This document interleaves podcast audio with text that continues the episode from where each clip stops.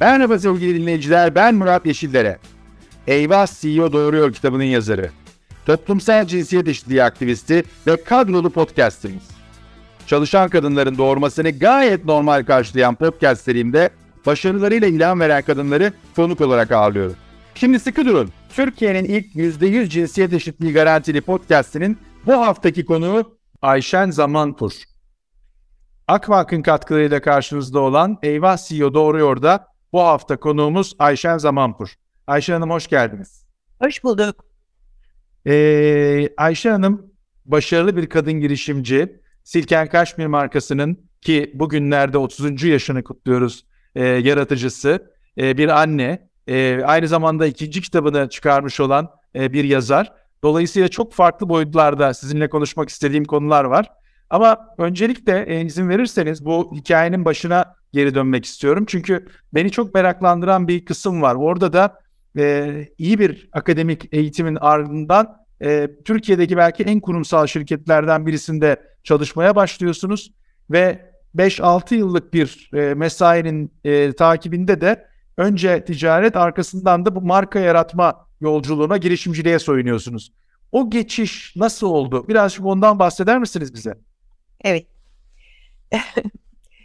E, güzel sözleriniz için teşekkür ederim. 30. Yıl, yılımızı kutluyor olmaktan da bu deviri de e, 30. yıla gelmeden ikinci nesle yapmış olmaktan da çok gurur duyuyorum. Çocuklarıma da müthiş müteşekkirim. Boğaziçi'ni bitirdikten sonra her Türk genci gibi ben de kurumsal bir yapıda çalışmak istedim. 6 ay falan istediğim gibi bir iş bulamadım. Beni beğenmediler ya da ben iş beğenmedim. Öyle bir süreç var yani.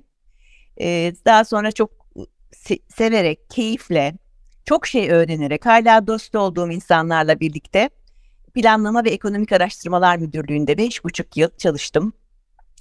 Bu tip kararların e, bir günde alınmadığını e, fark ettim sonradan. E, bana daha çok soru sorulduğunda ve e, doğru dürüst, aklı başında bilimsel bir cevap vermek için kendimizi, şirketimizi ve kendimi çalıştım. Şöyle bir kanaata vardım. E, şişe camda her ne kadar yaptığım işi sevsem, arkadaşlarımı sevsem, orası da kadınların güçlü olduğu bir şirket olduğu için hiçbir şekilde kendimi cinsiyetimle ilgili en ufak bir rahatsızlık hissetmesem de her yönüyle de mutlu olsam rutinle e, kişiliğimin örtüşmemesinin getirdiği bir takım özellikle üçüncü yıldan sonra e, kendime e, sorular sormaya başladım. Yani bu böyle mi sürecek hep bu şekilde mi devam edecek? Daha ne kadar ben bu ekonomik araştırma, fizibilite, stratejik planlama, bütçe ne, kadar daha sürdüreceğim gibi sorular sorarken demek ki bir noktaya geldiğinde insan doyum noktası oluyor. Yani bunun e, Şecam'la bir ilgisi yok. Benimle ilgisi olan bir şey, karakterimle ilgisi olan bir şey. E, oradan e, ayrıldığımda da herhangi bir işe girmemiştim, herhangi bir işim yoktu. Sadece çocuk yapma planım vardı. E, Bernat'ımı da şu andaki CEO'muzu da e, o dönemde kucağımıza aldık eşimle. E, ve yepyeni bir iş olarak da kimsenin o dönemde ilgilenmediği, şimdiki gibi perakende diye havalı bir adı olmayan, dükkan açmak diye biraz küçümsenen, hatta biraz dalga geçilen yani Ayşen de yani bu kadar okudu okudu da dükkan açtı e, denilen e, galeriyada ilk mağazamızı açarak girişimciliğe galiba orada adım attım ben. 1988 yılında Benetton'un en havalı mağazalarından biri, Galeria'nın da en havalı mağazalarından biri. Herhalde bu benim şansım. Hem AVM'lerin yükselişi hem Türkiye'nin ilk markalarından biridir. Yabancı markalarından biridir Benetton. İlktir yani hemen hemen. Kapısında kuyruklar olurdu Nişantaşı'nda bizden önce de. Hem e, yükselen bir marka hem yükselen bir trend olan AVM trendine binip e, oradan da bütün konsantrasyonumu, enerjimi, işte ben çalışkan bir insanım yani özünde. Çalışmayı ve e, yaratmayı severim. Oradaki bütün enerjimi de bir tane dükkana koyunca e, çok yakın arkadaşlarımız Zeynep ve Mehmet'le de orada ortaklık yapmıştık. Onlarla birlikte eğlenerek, gülerek, ağlayarak, çalışarak beşten e, birden e, altı mağazaya yükseldi. Altı tane çok kaliteli, çok güzel Benetton mağazamız oldu. En iyi yerlerde gibi diyebiliriz. E, ben orada o noktada Murat Bey hayatta bu işi benden daha iyi bilen biri yok gibi hissettim. Gençlik cesareti çok güzel bir şey. Şahane bir şey. Gençlik cesaretini hep diyorum ben gençlere. Binin gidin. O cesaret bir daha insan her zaman gelmiyor. Yani Luciana Benetton geldi beni tebrik etti. Aferin ne kadar güzel büyüdünüz. 54 bin adet satmıştık. Bir sezon rekoru hala kırılmamış. Falan deyince ben de dedim tamam bu işi benden daha iyi bilen Türkiye'de herhangi biri yok yani. Hatta belki dünyada yok. Ben dedim neden olmasın? Niye başkalarının yaptığı mal alıp satalım? Kendimiz yapalım. O da böyle hani birden bir gecede değil de ya ben bu marka işi çok önemli bir iş. Ne kadar saygı duyuyorlar bu markaya. Bak Benetton sonuç olarak kazaklara sadece renk yapıyor. Yani çok da böyle büyük bir mucizevi bir yaratma e, yaratıcı bir şey yok orada yani. Sonuçta bakarsanız yani her şey öyledir aslında. Her şeyi basite indirebilirsiniz. Benetton da kazaklara renk yapıyor. Yani yeni kazak modeli bile yaratmıyordu. E, bu fikirlerde kendimi de dolduruşa kolay getiririm ben. E, işte birçok şey bir araya geldi. Ee, sevgili eşimin Çin'de demir çelik alanında iş yapıyor olması, benim Çin seyahatlerine katılıp e, oradan biraz feyz almam, turistik gibi e, katılıp feyz almam, biraz oradan araştırmam. Sonra bu marka işini daha Türkiye'de marka diye bir bırakın konferansları, konuşmaları marka lafın daha yoktu yani. Çok azdı. Çok çok azdı. İşte Vakko Beymen belki. O kadar vardı. Fazla da öyle önümüzde çok büyük örnekleri olan bir alan değildi. Bu marka işini uluslararası, evrensel anlamda nasıl olduğunu bakın orada çok çalıştım. Orada ben çok çalıştım. Yani ben stajyer bile oldum gidip bazı markalarda. Yaşımı fark edince şey yapmadılar, kabul etmediler. Yani yazıldım. e, Dona Karan'a falan gittim. E, yani çok çok merak ettim bu marka nasıl böyle olunuyor diye. Orada ciddi bir çalıştım. Onların sonucunda da böyle bir e, fikre e, bağlandım. Yani kaşmir ve ipek konusunda dünyada affordable yani ulaşılabilir bir e, ürü e, marka yoktu. Türkiye'de bırakın hiç yoktu da Türkiye'de kaşmirin K'si yoktu. Yani bir iki tane marka kazaklarının değil de paltoların içine kaşmir koyuyordu çok hafif. Öyle bir şey yoktu.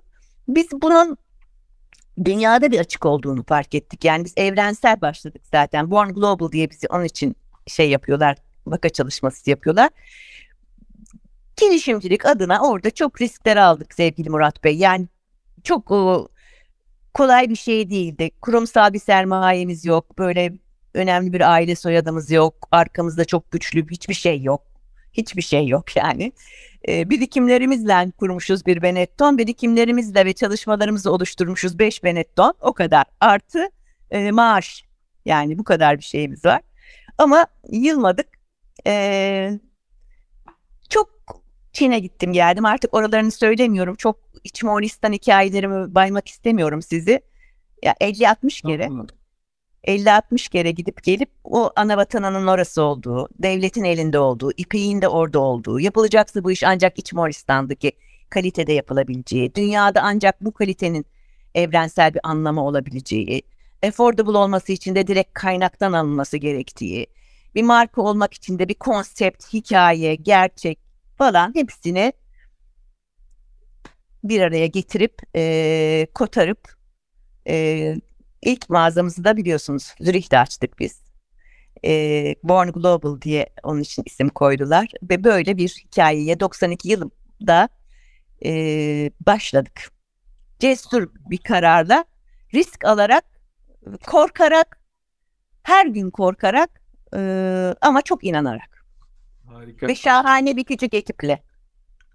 Ee, Osman Rolat e, bir yazısında okudum. Sizi dünyayı fetheden Kaşmirci diye e, tanımlamış.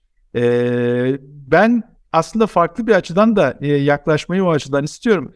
E, oğlunuz ki şu anda e, Silken Kaşmir'in CEO'su e, Ferhat Bey'in e, mülakatında gördüm e, hani annenizden en çok örnek aldığınız 10 şey ne olabilir diye sormuşlar.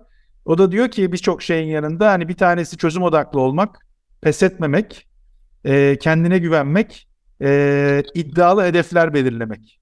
E, bir de detaycılığı o eklemiş. Yani birkaç şey daha var ama sizin demin söylediklerinizin arasında dinlerken bunlar birazcık kulağımda çınladı. E, oğlunuz aslında çok güzel bir analiz yapmış size tanımlarken. Annesini abartmış çok sevdiği için. Çocuklarımdan yana çok şanslıyım. Ee, o asıl adını da Ferhat koymuşuz doğru. Asıl azimli olan tuttuğunu koparan, yılmayan böyle bir ekonomide, böyle bir devirde, böyle bir parakende de Covid'de çocuk CEO oldu yani. Covid'in e, başlangıcında CEO'luğunun 75. günüydü. E, hiç çocuğum diye abartmadan söylüyorum. Her ikisi için de Yasemin ve Ferhat için de. E, her şeyi yapabilecek iki tane international çocuğun her yerde çalışabilecek veya mutlu olabilecek iki çocuğun böyle bir devirde biz bu işi yaparız diye sahiplenmelerinden e, bin kat daha fazla ben gurur duyuyorum yani. Herald Tribune'un rol af bir de. Dünyayı fetheden kaşmeci lafı çok gururla sakladığım bir... Evet. E, Barcelona mağazamızda bir yabancı e, gazeteciyle tanışıp o da beni başka gazetecilerle tanıştırıp işte o dönemde bizim İsviçre'de, Almanya'da, Moskova'da, Prag'da birçok yerde mağazalarımız vardı. O dönemde e, şaşırarak bir Türk markası oldu. Çünkü çok iyi müşterimizmiş o gazeteci de. Daha doğrusu arkadaşı. Birçok yabancı Le Monde'da da çıktı. E, the Woman Who Conquered the World with Kashmir diye. Yani çok e, evet Kaşmir alanına girmekle ve Kaşmir alanında odaklanıp da üstüne gitmekle bu kadar da sene fokuslenmekle bayağı güzel bir nok başarılar elde edildi. Markamız adına ve ekibimiz adına mutluyum. Harika. Peki e, şeye gelmek istiyorum tabii Ferhat ve o e, sizin e, icradaki rollerinizi e, devretme konusundaki kararınız ama oraya gelmeden önce bir de e, şöyle bir nokta var. Hani siz demin de ifade ettiniz. Aslında e, anne olmak için işinizden e, ayrılıyorsunuz. E, ondan sonra da aslında hani o 10 seneye baktığımızda hani Allah bağışlasın iki tane evladınızın yanında bir de evet. Sirken Kaşmir yani üç markanın e, anneliği var. E, girişimci bir kadın olarak zorlu bir dönemde bu konuştuğumuz engellerle, zorluklarla mücadele ederken anne olmak ve hani eminim ki Ferhat'ın ve Yasemin'in şu anda oldukları yerde sizin o dönemde e, gösterdiğiniz rehberliğin çok büyük önemi var. Oralarda iyi ki bunu yapmışım ya da şuralarda hakikaten ben dokundum diye düşünüyorum dediğiniz neler var? Annelik alanında mı iş yaşamında mı? Annelik alanında öncelikle. Evet. Tamam. Öncelikle Murat Bey Allah bağışlasın. İki tane çocuğumuz var sizlerinki de de. Ee, hiçbir şekilde hiçbir şeyle karşılaştırmam. Silken Kaşmir benim gurur duyduğum bir markam ama çocuklarımla üçüncü falan denmesinden hep ben düzeltiyorum. Yok öyle bir şey. Çocuklar... Peki kusuruma bakmayın o zaman geri Hayır al. hayır hayır siz değil herkes. Hemen hemen herkes. Ve bundan çok büyük de keyif alacağım düşünerek söyleniyor. İyi niyet var altında. Ben çocukların yanına başka bir şey koyamıyorum. Yani marka yani çocuklarımın saçının telinin için bütün markaların hepsini veririm yani. Öyle bir e, karşılaştırmaya bile karşıyım. Ama çok gurur duyduğum hep beraber kurtardığımız şahane bir marka var. Ya ben çocuklarıma şöyle öğreteyim. Siz de eminim böylesinizdir. Şunu öğreteyim aman böyle söyleyeyim de böyle yapsınlar. Dur şu konuda e, böyle bir ders vereyim hiç inanmadım. Bilmiyorum hiç inanmadım ben buna. E, örnek olmuşuzdur ancak yaptıklarımızla, söylediklerimizle, söylemediklerimizle, nefes alışımızla, duruşumuzla, e, işte belki ne kadar güçlü olduğumuzu hissetmişlerdir veya güçsüzlüğümüzü görüp onu nasıl kamufle ettiğimizi görmüşlerdir. Yani çocukların bence e, şundan hiçbir şey geçmiyor değil mi? Ben öyle düşünüyorum. Doğru. Bu süreçte de benim çok çalıştığımı, ne kadar çok çalıştığımı ama ne kadar onlara düşkün olduğumu e, hissettiklerini. Ya öyle çünkü gerçek bu. Gerçek bu. Ben sekreterime derdim ki hiç kimseyi bağlama ama Ferhat'ın veya Yasemin'in parmağı bile acıttıysa toplantıdan beni çağır derdim. Yani bilmiyorum. 36 tane yaş günü yaptım. En, en azı 30 kişilik. Veli toplantısına benim kadar sürekli katılan bir başkan da yoktu. yani çok fazla isteyerek yaptım bunu. Ben hayatta en çok anneliği sevdim bu arada. Yani bana deseniz ki bir tek şey seç anne olmayı seçerim. Harika. Ee, onun için e, böyle bir şöyle yapayım, böyle yapayım, çocuklarıma şöyle davranırsam böyle ders alırlar gibi değil. Yaşamın içinde e, birlikte onlarla çok keyif alarak, onlarla oynayarak, onların arkadaşları bütün bizim evimizde büyüdü. Hepsi şimdi söylüyorlar. Ee, devamlı böyle bir arada büyüdük. Her şeyi konuş, işte konuştuk. Ama mesela bazı perakendeci büyüklerim bizim sektörde şöyle bir şey var. Bir benden 18-20 yaş büyük abiler var. Farkında mısınız? Arada kimse yok sonra bizim başlıyor. Biz damat, koton falan. Bir arada bir gap var orada. O abiler benden büyük abiler mesela çocuklarını çok daha erken işe sokmuşlar. İşte depoları anlatıyorlar. Depolara götürmüşler. Mağazalarda çalış. Ben hiç öyle şeylere sunni geldi bana. Niye çocuk gelecek depoda çalışacak? Bilgisayarda yardım ediyordu bana veya tercümeme yardım ediyordu veya kataloğun rengine Yasemin. Model çok mesela çocukluğundan beri çok zevkli. Modelleri seçiyordu bana. Düğmelerin rengine bakıyordu ama böyle bir gir işe, öğren. Bu marka senin. Sen sahipleneceksin. Yok. Çünkü ben öyle şeye gelemem. Hiçbir manevi baskıya gelemem imasına bile gelemem. Dolayısıyla çocuklarda bu işle sosyal yaşamı, aileyi kotarmaya çalışan, elinden geleni yapmaya çalışan, hiçbir şeyde de mükemmel olmayan, hatalarını da kabul eden, elektriğe de açık bir anne baba görerek büyüdüler ve bizden daha iyi oldular diye düşünüyorum. Ee, özetle bunu söyleyebilirim. Özellikle yaptığım bir şey yok ama yaşam içinde öyle gelişti. Peki e, demin söylediğiniz enteresan. Sizce onların da sizin arkanızdan markayı, bayrağı daha da ileri taşımak için e, bununla devam etmelerinin arkasında yatan temel nedir? Yani o çekirdekten yetişme, e, çocukluktan bir yerlere gitme sizin anlattığınız kadarıyla yok. Onun için evet. yani ne zaman o tutkuyu onlar hissettiler? Evet şimdi e, Yasemin 15 yaşındayken, Ferhat da 17 yaşındayken sahnede 2000 e, 15. yılımızı kutlarken Ferhat alıyor mikrofonu. Benim haberim yoktu. Bana sürpriz bir konuşma yapıyorlar. Ee, biz diyor kaşmir keçileri var her yerde evde diyor. Bütün diyor biblolarımız keçi. Resimler keçi. Evdeki halı e, kaşmir keçisi. Ya kenardaki trov kaşmir.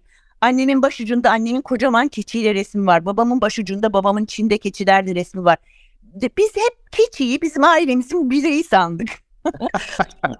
diyor. Yasemin de çok tatlı dönüyor zaten o oyunculuk falan okudu o zaman da. Aa değil miymiş abi diyor.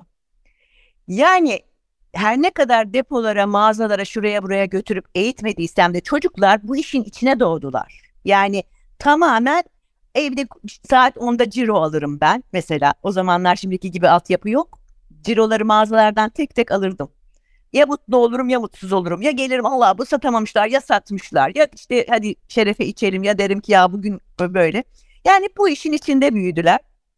Hep beraber o kadar çok özümseyerek, o kadar çok inanarak yaptılar ki yani görerek yaptılar ki hiçbir gün bunu şahitler siz bizim markamızı alacaksınız, götüreceksiniz demedim. Çünkü neden demedim derseniz ben bana denilmesini istemem. Bana denilen her şey bana batar. Bana birisi şunu yap dediği zaman iyi niyetine de inansam rahatsız olurum. İnsanların bir şeye zorlaması, özgürlüğümü, özgürlüğümü kısan bir şey gibi gelir bana. Rahmetli babam benim doktor olmamı çok istemişti. Bütün sülaleyi doktor yapıp bir tek beni yapamadı. Belki de sırf o istedi diye istemedim ki babamı çok severim ama birisinin bana doktor ol demesini ben tahammül edemem mesela. Çocuklarıma da o nedenle hiçbir şekilde söylemedim ima bile etmedim. Neden seçtiler o zaman Ayşen Hanım diyorsanız bir Allah'ın şanslı kuluymuşum. İyi ki seçmişler. Başka çok çok bu kadar içime sinerek yine bırakırdım kurumsal ekiplere. Ama bu kadar içime sinerek, bu kadar mutlu, bu kadar gururlu olur muydum 30. yılımızda sahnede gözlerim dolar mıydı? Bilmiyorum. Ee, kurumsal da her şey oluyor. Yani olmasa da olurdu belki ama bu kadar keyif almazdım kendi seçimleri olduğu için e, devam ettiklerini düşünüyorum. E, isteyerek girdiklerini düşünüyorum. Sahiplenmelerin altında özgür iradelerinin olması olduğunu düşünüyorum. Ve gerçekten de birkaç e, nedenden dolayı mesela Covid'de birdenbire home office'e geçiş, e-ticaretin bu kadar geç, e, gelişmesi, dijital dönüşümün bu kadar hızlı olması hep Ferhat'la Yasemin'in 2013'te şirkete başlamalarından sonra oluyor. Başarılarının da hep gördüler karşılığını. Yani yaptıkça görünce insan tabii şey oluyor değil mi? Daha motive oluyor. Black Friday'i getirdi Ferhat Türkiye'ye. Black Friday perakendin en büyük olayı haline geldi. Resmen o getirdi. Ondan çok büyük mutluluk duyuyor. O ona bir motivasyon kaynağı oluyor. E, Rönesans diye şirketin altyapısını değiştirdi. Logosundan e, bütün operasyonel her şeyini Big Book'unu değiştirdi. E, oradan çok güzel geri dönüş aldık. Oradan mutlu oldu. Yani yaptıkça bir şeyleri değiştirebildikçe e, karşılığını aldıkça da e, mutlu oldular ve ikisi de e, Yasemin de kreatif direktör olarak dış sesimiz yani bizim bütün Silken Kaşmir adına duyduğunuz her şey ondan geliyor. O da orada fark yarattı. Şimdi herkes işte bize daha modernleştiniz, daha evrensel, daha genç oldunuz diyor. Karşılığını aldıkça da heveslendiler diye düşünüyorum. Hata yapmıyorlar mı? Yapıyorlar. Yapmayacaklar mı? Yapacaklar. Her zaman olacak ama bütünsel olarak ben e, çok daha iyi yerlere getireceklerini düşünüyorum. Ee, bizi dinleyenlere ben şöyle bir dipnot e, ileteyim. Ee, sizin 2007 yılında yani tam 15 yıl önce HR dergisine verdiğiniz bir mülakatı buldum ve okudum. Orada diyorsunuz ki tam biraz evvel ifade ettiğiniz gibi e, yani 15 sene önceyi konuşuyoruz. Tekrar ediyorum. E, daha Silken Kaşmir 15 yaşındayken e, çocuklarım hani burada çalışmayı isterlerse arzu ederlerse ne mutlu ama o yolları da kendileri seçecekler. E, ben e, onlarla ilgili karar veremem. Ama 55 yaşında da ben bu bayrağı devredeceğim. Heh, tarih beni tarih beni haklı çıkartmış. Onu bana gönderin. Böyle söyleyince hava atıyorum sanmasınlar. Bak ilkinden demişim. Tamam. Onunkiyle 15 sene önce tamam. e, bunu Ayşe Hanım söylemiş. E, ben de kendi ev ödevimi yaparken buldum. o yüzden de demin söylediklerinizin altını çizeceğim. E, tamam. Biraz hemen söylediğiniz noktayı birazcık daha e, açalım istiyorum. Hem öncesiyle hem sonrasıyla. Şimdi evet. evet 15 sene öncesinden siz bu planı yapıp e, yol haritasını belirlemişsiniz ve bilmeden de hani dünyanın yaşadığı belki son dönemdeki en büyük küresel e, krizin e, arifesinde 75 bombanın bombanın çekip kucaklarına attım kaçtım. E, aynen öyle. Ne zamanlama diye herhalde sonrasında size söylemişlerdir. E, ama hani biraz onu merak ediyorum. Yani mesela niye 55 yaşı, niye 30. yıl ya da 30. yıla yaklaşırken ya da hani orada sizin beklediğiniz bir şey var mıydı? O 55 yaşını niye öngörmüştünüz? Ee, birazcık onları konuşalım istiyorum. Yani bu planlamayı yaparken evet siz planlamayla kariyere başlamışsınız. evet. Son hayatta ama hani arkasında ne var birazcık onu duymak istiyorum sizden. Evet şimdi ben bu devir meselesinde çok konuşma yapıyorum. Son zamanlardaki dönemsel dönemsel e, sektör benim uzmanlığıma karar veriyor. Bu devirde e, birçok şirkete ve şeye devir sürecini anlatır, anlatırken buluyorum kendimi. Çok çalıştım bunu. Hani demin demiştim ya size bir marka işini çok çalıştım. E, hayat boyu çalıştım da bazı şeyleri de çok konsantre oldum. Bu devir meselesini çok iyi bir şey yapmak istedim Murat Bey. Çok doğru yapmak istedim. İçime sinmesini istedim. Zamanında yapmak istedim sündürmek sündürmemek istedim. Annem derdi. Bilmiyorum. Afyon lafı mı bu bütün Türkçede de var mı sündürmek? Var sündürmek var. Var değil mi? Annem çünkü afyon lafları da kullanırdı afyonludur gözünde. Ee, sündürmeden, uzatmadan, fazla da böyle e, bozmadan düzgün bir devir yapmak istedim. Ee, sebebini söyleyeyim kısaca. Ee, Direnk içi de çok anlattım o bölümü. Zaten oradan sonra hep devir uzmanı gibi bir şey yaptılar sağ olsunlar. Ee, tecrübenin, bunu birkaç kere LinkedIn'de de yazdım. Tecrübenin şahane bir şey olduğuna inanıyorum. Ama tecrübenin şahane bir şey olma yanında çok tehlikeli bir şey olduğuna inanıyorum. Tecrübenin bir tarafı insana akıl, fikir, öngörü, vizyon, deneyimlerle güçlendirilmiş tool, ıı, araçlar verirken yanlış kullanıldığında e, öbür tarafı gençlerin önünü engelleyen hatta kapatan, e, demoralize eden, özgüvenlerini hırpalayan ve mutsuz eden bir tarafı var. Bu dengeyi korumakta her baba yiğidin, her ana yiğidin harcı değil. Bu dengeyi koruyabilmeyi başaranı da çok fazla da gözlemlemedim diyeyim. Türkiye'de ve yurt dışında yurt dışında çok fazla iş yaptım ve çok fazla tabii ki yüzde doksan onlarda da baba olan şirketlerin biz çok büyük markalarla birlikte aynı yerlerde e, cornerlarımız vardı. Onun için çok güzel insanlarla tanışmak şansını elde etmiştim. İşte hep baba oğuldu. Orada da Avrupa'da markalar hep öyle şeydir. Ne kadar e, üzgün, mutsuz, çaresiz e, ikinci nesil, ne kadar böyle hırslı, koltuğunu bırakmak istemiyor gibi görünen aslında tek korkusu da şirketini ve gücünü kaybetmek olan çünkü kendisini sadece işiyle tanımlayan, işi ortadan kalktığında neredeyse yok olacağını hisseden erkeklerle tanıştım. Altını çiziyorum cinsiyetin burada. Fazla kadınla tanışmadım. Kendisini o kadar özdeşleştirmiş ki bilmem nerenin sahibi ve kurucusu o kalktığında yok gibi bir şey oluyor. Dolayısıyla ben bunu çok e, okudum. Yani gözlerde okudum, umutsuz bakışlarda okudum. O aradaki kopuk diyalogda okudum. O toplantıya girişte, çıkışta, girme işte, çıkma işte. E, ve kendime bir karar verdim. E, o zamanlar ben onlardan çok gençtim. Çocukları yaşındaydım ben. O küçümsedikleri çocukları yaşında kadınla da iş yapıyorlar bu arada. E, çünkü öyle görmüyor. Şirketini kaybedeceği bir şey gibi görüyor. Dedim ki ben çok pırıl pırılken beynim en e, böyle en iyi düşünürken hiç böyle hatalara düşmeyeceğim bir yaşta bırakayım. Sapa sağlam bir şekilde bırakayım. Tabii bunun örneklerini Türkiye'de de gördüm. Türkiye'de de uzatmıyorum. Çok gördüm. Bunu ben çok gördüm yani. Biraz da ben algılarımı böyle insan e, analizini çok yaparım. Edebiyattan gelen bir şeyim vardır. Neredeyse o insanın bir romanını yazarım kafamda. Bunu karar verdim. Dedim ki bu işi iki taraflı yapmayacaksın. Adam gibi çok gerçekten e, isteyen bir ikinci nesil varsa, istemeyen varsa hemen bırakacaksın. İkinci nesil aman diyeceksin git ama ikinci nesil istiyorsa sen gideceksin. Dedim ve güzel bir şekilde onların istediğini hissedince de 3 yıla yayıp e, her aşamasında, her departmanı, her bölümü elimden geldiğince tabii ki eksiklerimiz hep oluyor. Ben en kafamdaki en iyi çözümü söylüyorum.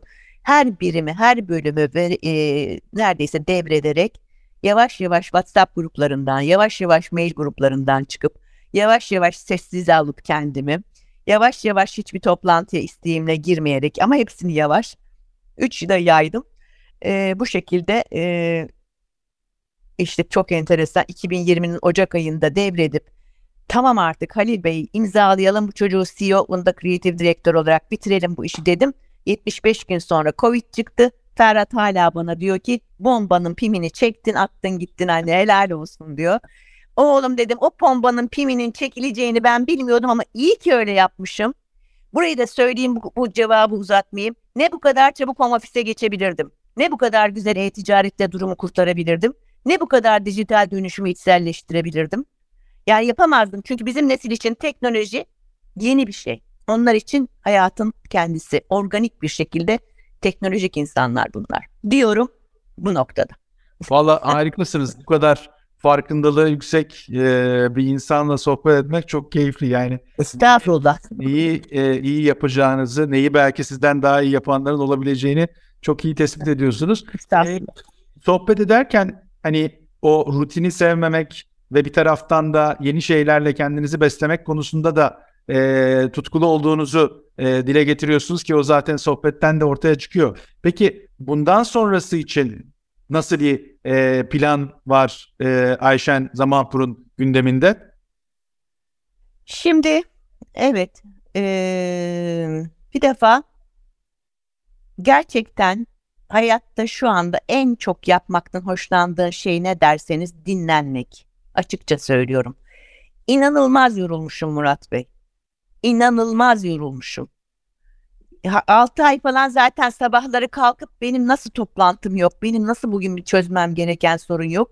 Ben burada yatıyorsam burada muhakkak bir problem vardır diye beynimi, bakın beynim ve zihnim benim dışımda sanki çalıştılar. Yani ben o 6 ayı şey saymıyorum. E, bu diyor ki sen diyor çünkü ben biraz seyahatlerimi uzatınca muhakkak bir sorun olurdu ve onu daha büyük bedel öderdim.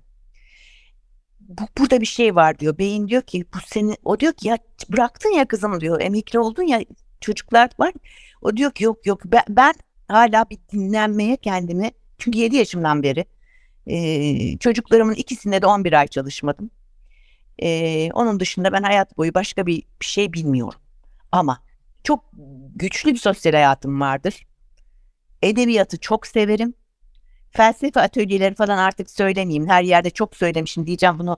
Şimdi moda ya felsefeyi sevmek. Ben 25 yıldır arkadaşlarımla felsefe atölyeleri, okuma atölyeleri, e, Asos felsefe günleri olsun, bütün özel dersler olsun. Yani neredeyse doktorasını yaptık. Ee, Yunanca öğreniyorum. Ee, Neden diyeceksiniz? Yunan Yunanistan'ı, Yunan adalarını çok seviyorum. Yunanca öğreniyorum. Çok amatörce, çok yeni resim yapıyorum iki buçuk üç yıldır. Ee, arkadaşlarım çok beğeniyor, ailem çok beğeniyor. Ben bana iltifat ettiklerini düşünüyorum. Yapacağım binlerce şey var. Sosyal yardım çok seviyorum. Diyarbakır'da çok gurur duyduğumuz bir projemiz var. Sirken Kaşmir'in ilk sosyal sorumluluk projesi. Onlarla ilgili çalışmaları yapıyorum. Çocukları ile ilgili yap, yapıyorum. Bir tane de en önemli işim var biliyorsunuzdur, duyuyorsunuzdur. Konuşma yapıyorum her yerde. Üniversitelerde yapıyorum. Gençlerle mentörlük yapıyorum. Genç girişimci kızlar. Artık kafelerdeki sohbetlere kadar gidiyorum. Yani kadın olsun, girişimci olsun, ayakları yere bassın, güçlü olsun. Ufacık bir katkım olsun koşarak gidiyorum. Ee, zaten bunlar da hayatın büyük bir kısmını alıyor. Spotify'da liste yapıyorum bütün gün. Müzik hayatımın ortasında. LinkedIn'de Ne kaldı? aktifsiniz. Efendim? LinkedIn'de aktifsiniz. Sosyal medyayı çok seviyorum. Sosyal medyayı çok seviyorum. LinkedIn'de çok çok çok seviyorum. LinkedIn'den biz çok e, güzel ilişkiler kuruyoruz. iş ilişkisi kuruyoruz. E, eleman e, anlamında kuruyoruz. Yeni insanlarla tanışmak anlamında kur- beni buluyorlar çok. Zaten bütün konuşma şeyleri falan da oradan geliyor. Yani çok e, sev Twitter'da seviyorum. Instagram'da da dalga geçiyoruz işte. Hepimiz gibi. Harika. Öyle. Harika. Bir de eee, gene hani benim küçük araştırmamda çıkan turizmle ilgili bir şeyler yapma konusunda da planlarınız, çabalarınız var anladığım kadarıyla.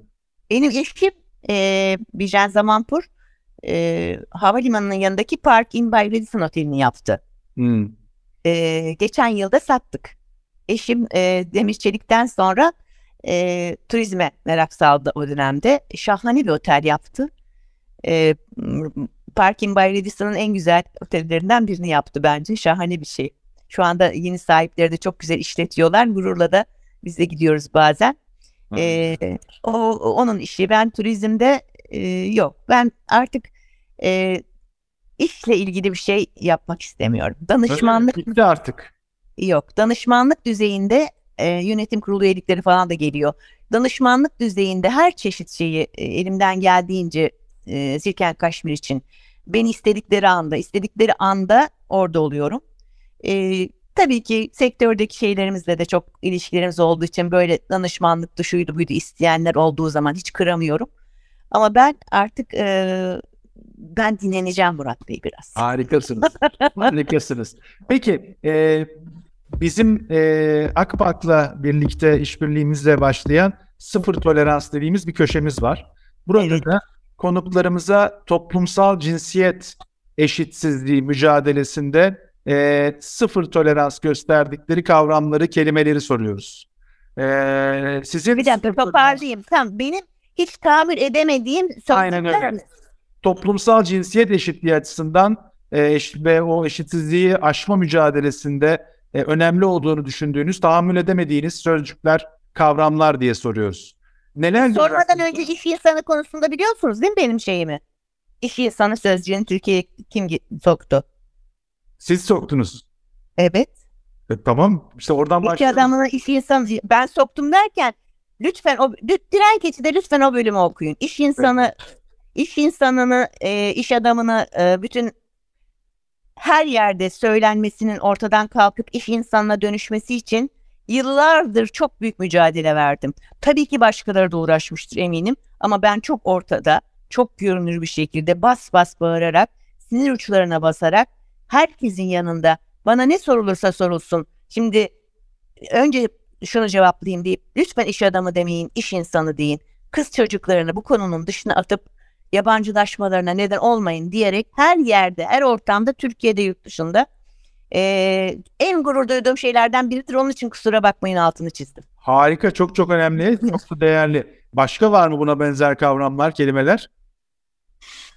Ya her türlü erkek egemen toplumda zaten bütün sözcüklerimiz böyle değil mi bizim? Adam gibi konuş. Erkek adam böyle ağlar mı? Karı gibi güldü. Siz söyleyin yani bir, bir- başka lafımız yok zaten. Hepsi cinsiyet eşitsizliğinin Tamamen e, Üçte sınırlamak da zor. Haklısınız. Evet, evet, evet. Çok çok. Bütün alttan kaşıdı. Bakın mesela ben hayattan, gerçek hayattan örnek vereyim. İş adamı işi insana çevrilmesi için bir toplumda bir yerde dernekte konuşma yapıyorum. Çok meşhur bildiğiniz bir beyefendi. Kitapta da yazdım. Ayşin Hanım ya dedi çok uzattınız bu konuyu ya dedi. Adamdık iş adamı desek ne olur, iş kadını desek ne olur. Biz burada perakendinin sorunlarını konuşuyoruz hanımefendi dedi. Nedir dedi bu ya tutturdu. Hakikaten tutturmuştum. Sonunda da başardık. Aa dedim S Bey diyelim. Neyse. Aa dedim beyefendi inanın bunu duyduğuma çok sevindim. Sorun yok değil mi dedim. İş adamı, iş kadını hiçbir sorun yok. Tabii yok dedi.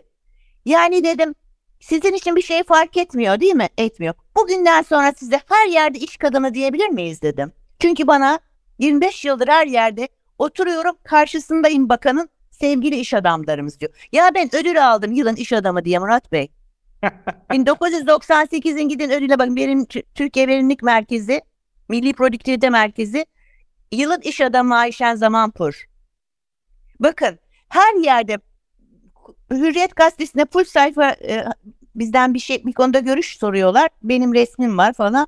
İş adamlarımız görüş bildirdi. Arıyorum satır aralarında. Yok. Madem dedim beyefendi fark etmiyor. Size de benim gibi dedim. Her yerde dedim. İş kadınları densin dedim. Elinize iş kadını ödülü verilsin dedim. Gazetede röportaj verin. İş kadınlarımız konuştu. Altında sizin dedim bıyıklı resminiz çıksın.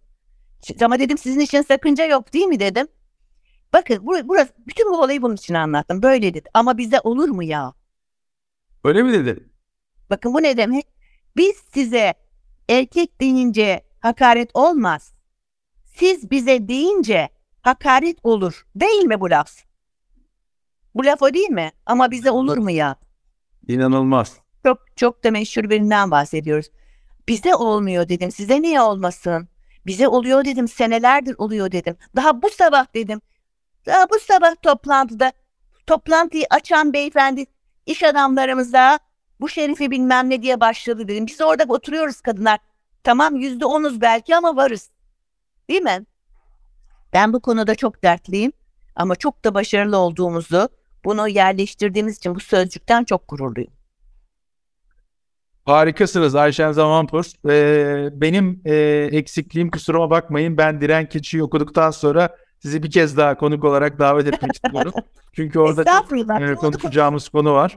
Evet. Ee, kusuruma bakmayın özür diliyorum. Estağfurullah. Yok öyle bir algı yarattıysam özür dilerim. Hayır ben. hayır hayır estağfurullah. Üzerinden konuşmaya son zamanlarda çok alıştığım için oradan çağrışım. Çok da önemli. Bence çok güzel bir örnek verdiğiniz. Hani bize olur mu da hakikaten belki de bu sohbetin başlığı da olacak kadar e, önemli çarpıcı bir e, tespit. Ama bize olur mu ya dedi. Yani uzatmaya çalışsam orada çok fazla şeyler uzar ama ben e, bu konuda böyle cazgırlıktan ziyade akılcı cevap vererek e, akılda kalmayı tercih ettiğim için her zaman yapıyorum. Aslında orada verilecek cevaplar çok var değil mi? Karşınızdaki birisine alt e, cümlede bunu söylüyor. Biz erkek bize kadın denemez, size erkek denir. Biz şeref yani biz erkek denmezden şeref diyoruz. Erkek gibi kadın falan şey ya. Tabii tabii. Bunlar bunlar çok e, toplumun sözcükler çok böyle bitirelim. Böyle bitirelim. Sözcükler bence çok güçlüdür. Sözcükleri kullanırken çok dikkat etmek gerekir. Sözcüklerin altını çizmek çok önemlidir. Çünkü birbirimizde Wittgenstein'ın dediği gibi bildiğimiz sözcükler kadar varız, sözcükler kadar dünyamız. Çok çok doğru. Ee, bizi dinleyenlerden de e, sıfır tolerans hashtag ile Twitter'da bu kavramları paylaşmalarını rica ediyoruz. Ayşen Zamanpur çok önemli bir açılım yaptı hakikaten bu anlamda. Ee, Ayşe Hanım gönlünüze sağlık. Ee, zaman ayırdığınız için çok çok teşekkür ediyorum. Ben teşekkür ederim.